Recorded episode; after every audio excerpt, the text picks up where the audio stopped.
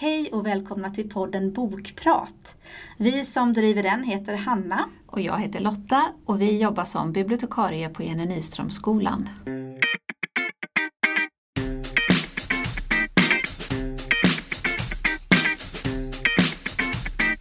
Och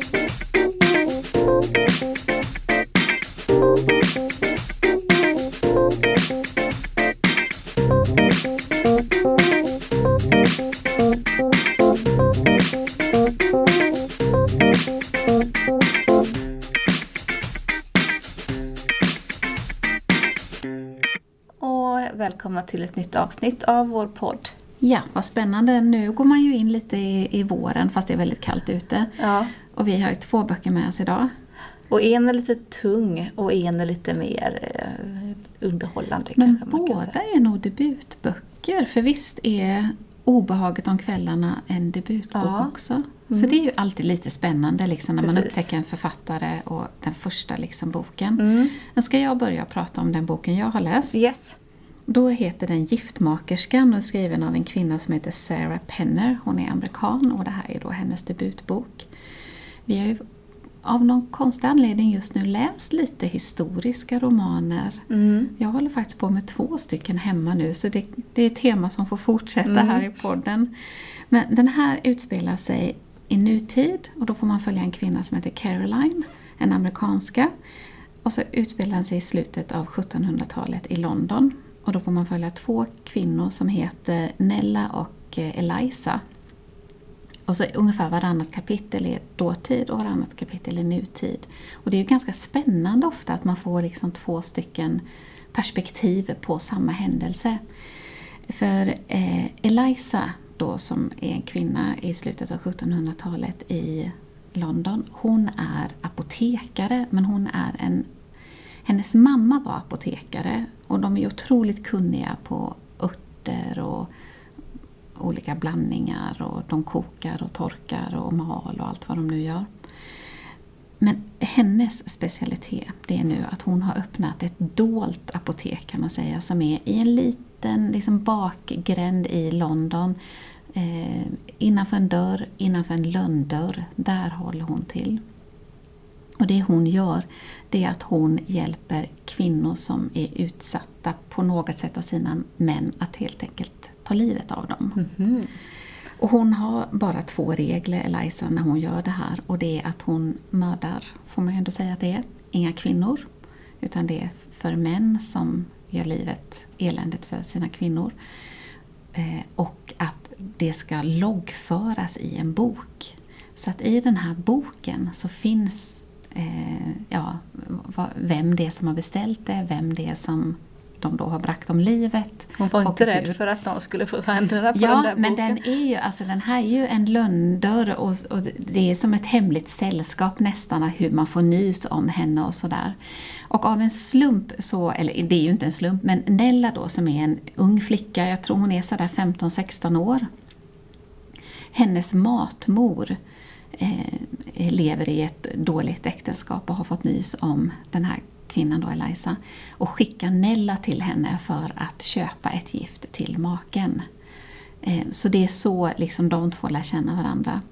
Och sen parallellt med den här historien då så finns den här nutidshistorien med Caroline som är en amerikanska som lever också i ett, i ett olyckligt äktenskap där hon, och jag tror varken hon eller hennes man egentligen har tänkt på det men det har liksom blivit så när åren har gått att de lever mycket det livet han vill leva. Han har gjort karriär på någon stor, jag tror det är någon advokatfirma eller juristfirma. Och så har han, och det är nog inte av illvilja utan han tänker liksom att han ska göra livet så lätt och smidigt för henne att göra för hon har haft en dröm och hon, till och med när hon gick på college så fick hon något sånt där stipendium till Cambridge i England. Men han bara, nej men ska du verkligen göra det och hur ska det gå? Är det inte bättre att du börjar jobba då, då är det på hennes föräldrars firma, det är någon gård där hon kan sköta lite av liksom det administrativa. Eh, Och hon, jo det kanske är bäst. Så, så hennes det här historiska intresset har liksom hela tiden man bara känner hur det pyser i henne att hon inte har fått utlopp för Mm, det. mm. Och sen börjar den här historien faktiskt med att han är otrogen. Och det får hon reda på precis innan de ska åka på någon jubileumshelg i London. Och istället för att åka tillsammans så bestämmer hon sig för att åka själv och lämna honom i... Så hon är ju ett och tre liksom fri och börjar tänka, men vad är det jag vill med mitt liv egentligen? Och av en slump så går hon ut med Themsen i London.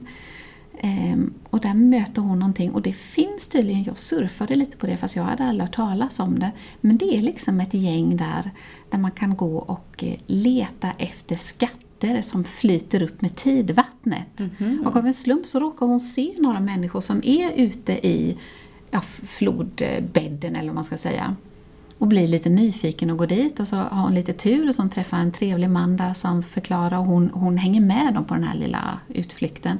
Och så får hon tag på en liten, liten glasflaska. Och i den här glasflaskan står det ingenting men den har ett litet, litet tryck, en liten björn. Ehm, och hon blir ju nyfiken. Så hon börjar forska lite i det här och få kontakt med någon på mm, British Museum tror jag det är. Ja en forskare där och de tillsammans börjar nysta. Så medan man liksom får hennes, det här att hon nystar i historiska dokument, så får man ju samtidigt historien från Eliza och Nella. Mm. Så till slut blir det faktiskt en, en riktig pusseldeckare där de här historierna går ihop. Och Caroline då, hon lyckas väldigt bra med sin forskning så man får liksom reda på vad som händer.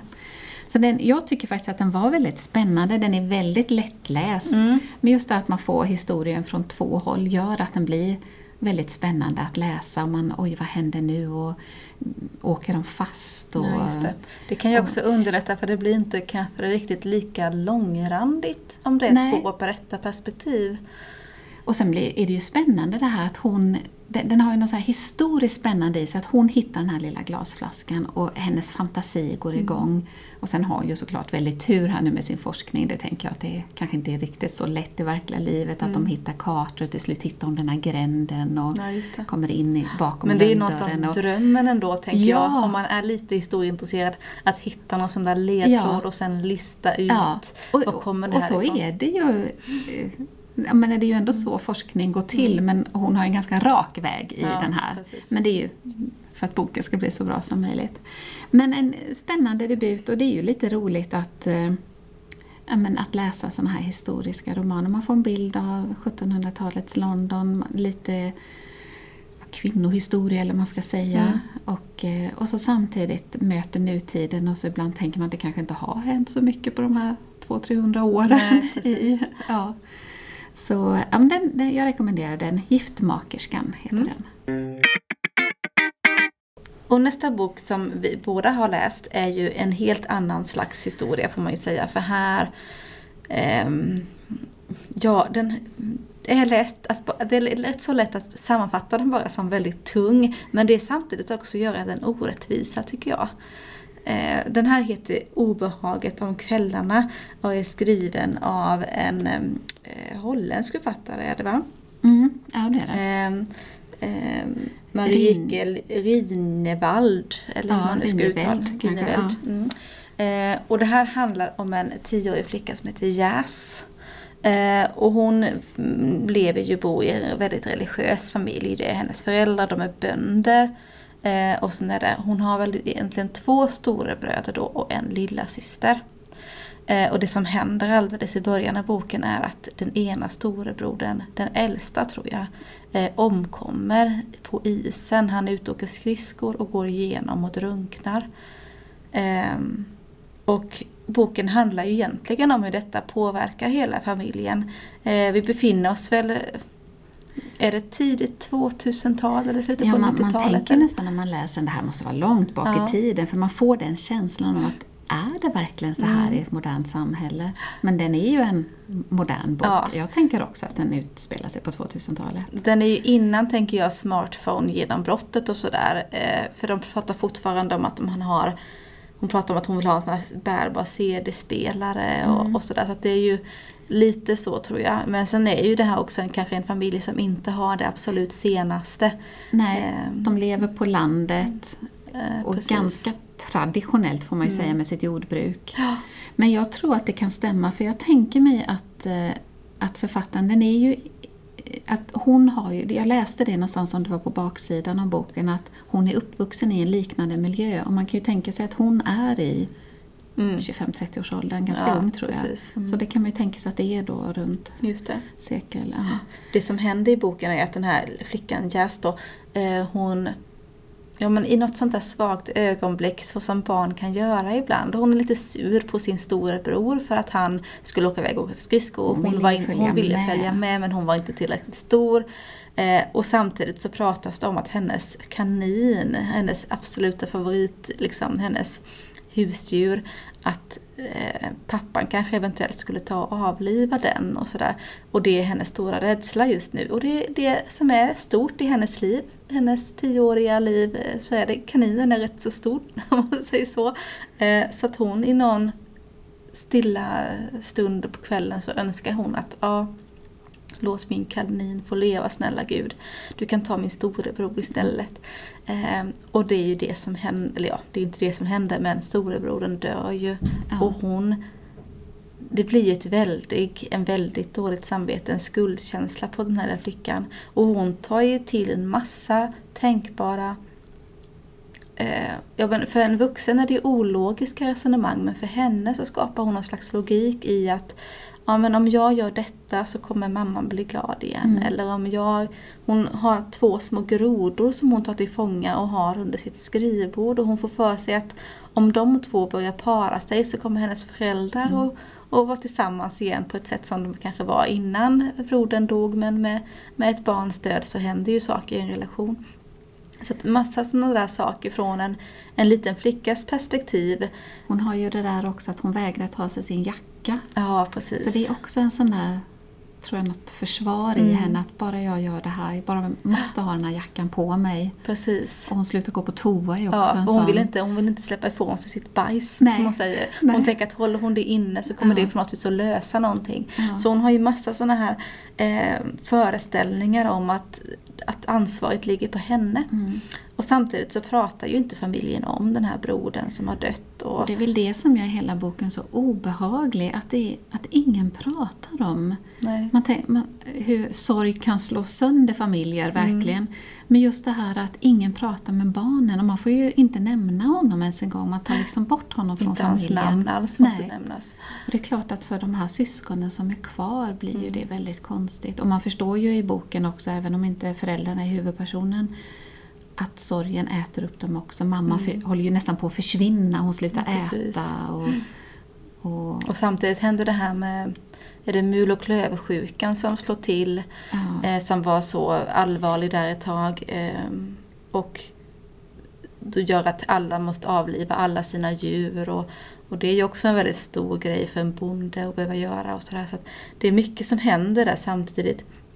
Och sen är det just rätt så präglat av att det är mycket Alltså det är ett, det är ett väldigt religiöst hem men inte religiöst så som Ja, det blir nästan lite extremt kanske man kan säga. Jo, men när man tar med skuld och skam mm. hela tiden. Det är som ingen glädje Nej, i det. Det är inte den typen av stöttande religion som Nej. kommer fram här utan det är nästan bara ett skuldbeläggande. Och eh, barnen är ju också lite lämnade själva att liksom bli vuxna utan någon vuxen ledning. Mm. Och det ser man ju till exempel i den brodern som är kvar som är ja, men kanske mitten av tonåren. Han börjar ju uppleva sexualitet och, och sådär och tar nästan ut det på sina yngre systrar. Mm. Och det, det obehagliga, sker, nästan ja. lite experiment eller vad ja, man ska säga. Precis. Nej men den är, oh, den kryper. Mm. Och det ja. känns verkligen som att här har vi tre barn som mm. det ändå är, som är utelämnade till sig själva. Mm. Och det finns inte så mycket stöd vare sig från skolan eller föräldrar eller andra vuxna utan de är rätt så utelämnade till sig själva och då uppstår den här känslan av att ansvar ligger på dem men också att det inte blir några inga konsekvenser av saker, är ingen som styr upp eller ingen som går in och pratar med dem om Nej. vad som händer i deras kroppar eller, eller någonting sånt. Nej, det är väldigt konstigt det där, den här totala frånvaron av vuxna. Man, man skulle ju kunna tänka sig, de har föräldrar, de har kyrkan, de har skolan. Mm. Det pratas ju om någon granne och så mm. men ingen. Och det är veterinären finns... lite på något sätt men han är lite läskig ja, också. Va? Han pratar ju om henne som ja. att hon är Mm, han nästan sexualiserar ju den här tioåriga flickan. Ja. Att det känns det finns ju vuxna men de vägleder inte, de stöttar Nej. inte så som man önskar att vuxna ska göra för barn. För att det kanske är en sån krissituation och att det är folk är lite rädda för att det där är en familj i sorg, vi ska inte peta i och sådär. Mm. Att ja, Um, mm. Den har många sådana scener i boken som man nästan ser framför sig. Kommer du ihåg den där scenen i, precis i början på broderns begravning? Ja. Då har de, vad är det det brukar heta? Ja, nej, de har ju kistan hemma ja. hos sig och de har inte locket öppet men det finns liksom fönster mm. i. Så man kan se Så man ser kroppen. pojken. Mm. Eh, och, och, den står ju där ett tag så man får känslan flera av. Flera dagar får man känsla mm. av. Och på nätterna sitter ofta pappan där och vid något tillfälle kommer ju mm. Jas fram och, och, mm. och, tittar in. På, ja, det, det är många sådana scener som man verkligen spelar upp i sitt huvud. Och man, man vill bara gå in och mm. prata mm. lite med den här tioåriga Precis, flickan. Och få dem att prata med varandra ja. där.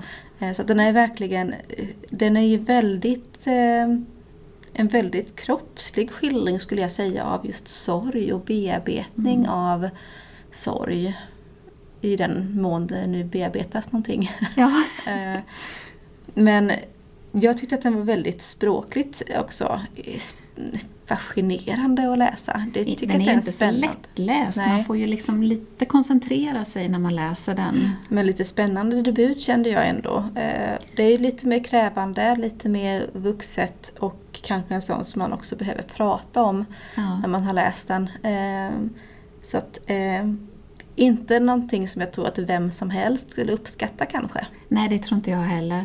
Den blir nog väldigt, väldigt eh, att man känner, men vad är det här? Mm. Kan det vara så? Men om man har lite läsvana i sig så tror jag att man mm. tycker den är spännande i både språket och miljön och Och jag kan ju eh, tycka om sådana böcker där jag, där jag lite funderar på vad är detta för någonting? För att det är ja. så annorlunda. Ja. Um, jag får lite den här kopplingen till men andra böcker där vi har små eller barn i huvudrollen som är berättarperspektivet som eh, ja, men Svinalängorna i Sverige till exempel när man ser den här misärkänslan mm. eller fattigkänslan eh, från ett barns perspektiv. Eh, att just det här barnperspektivet gör ju någonting med berättandet ändå. Mm.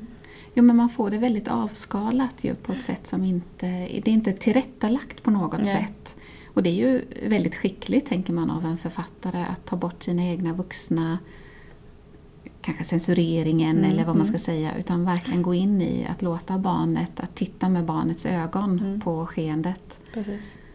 Ja, ett väldigt speciellt boktips men ändå tror jag kanske en författare har lite koll på. Absolut, det tror jag med. Obehaget om kvällarna av Rinevald. Det var allt för idag syns om en vecka eller hörs om en vecka. Ja, det gör vi. Hej hej!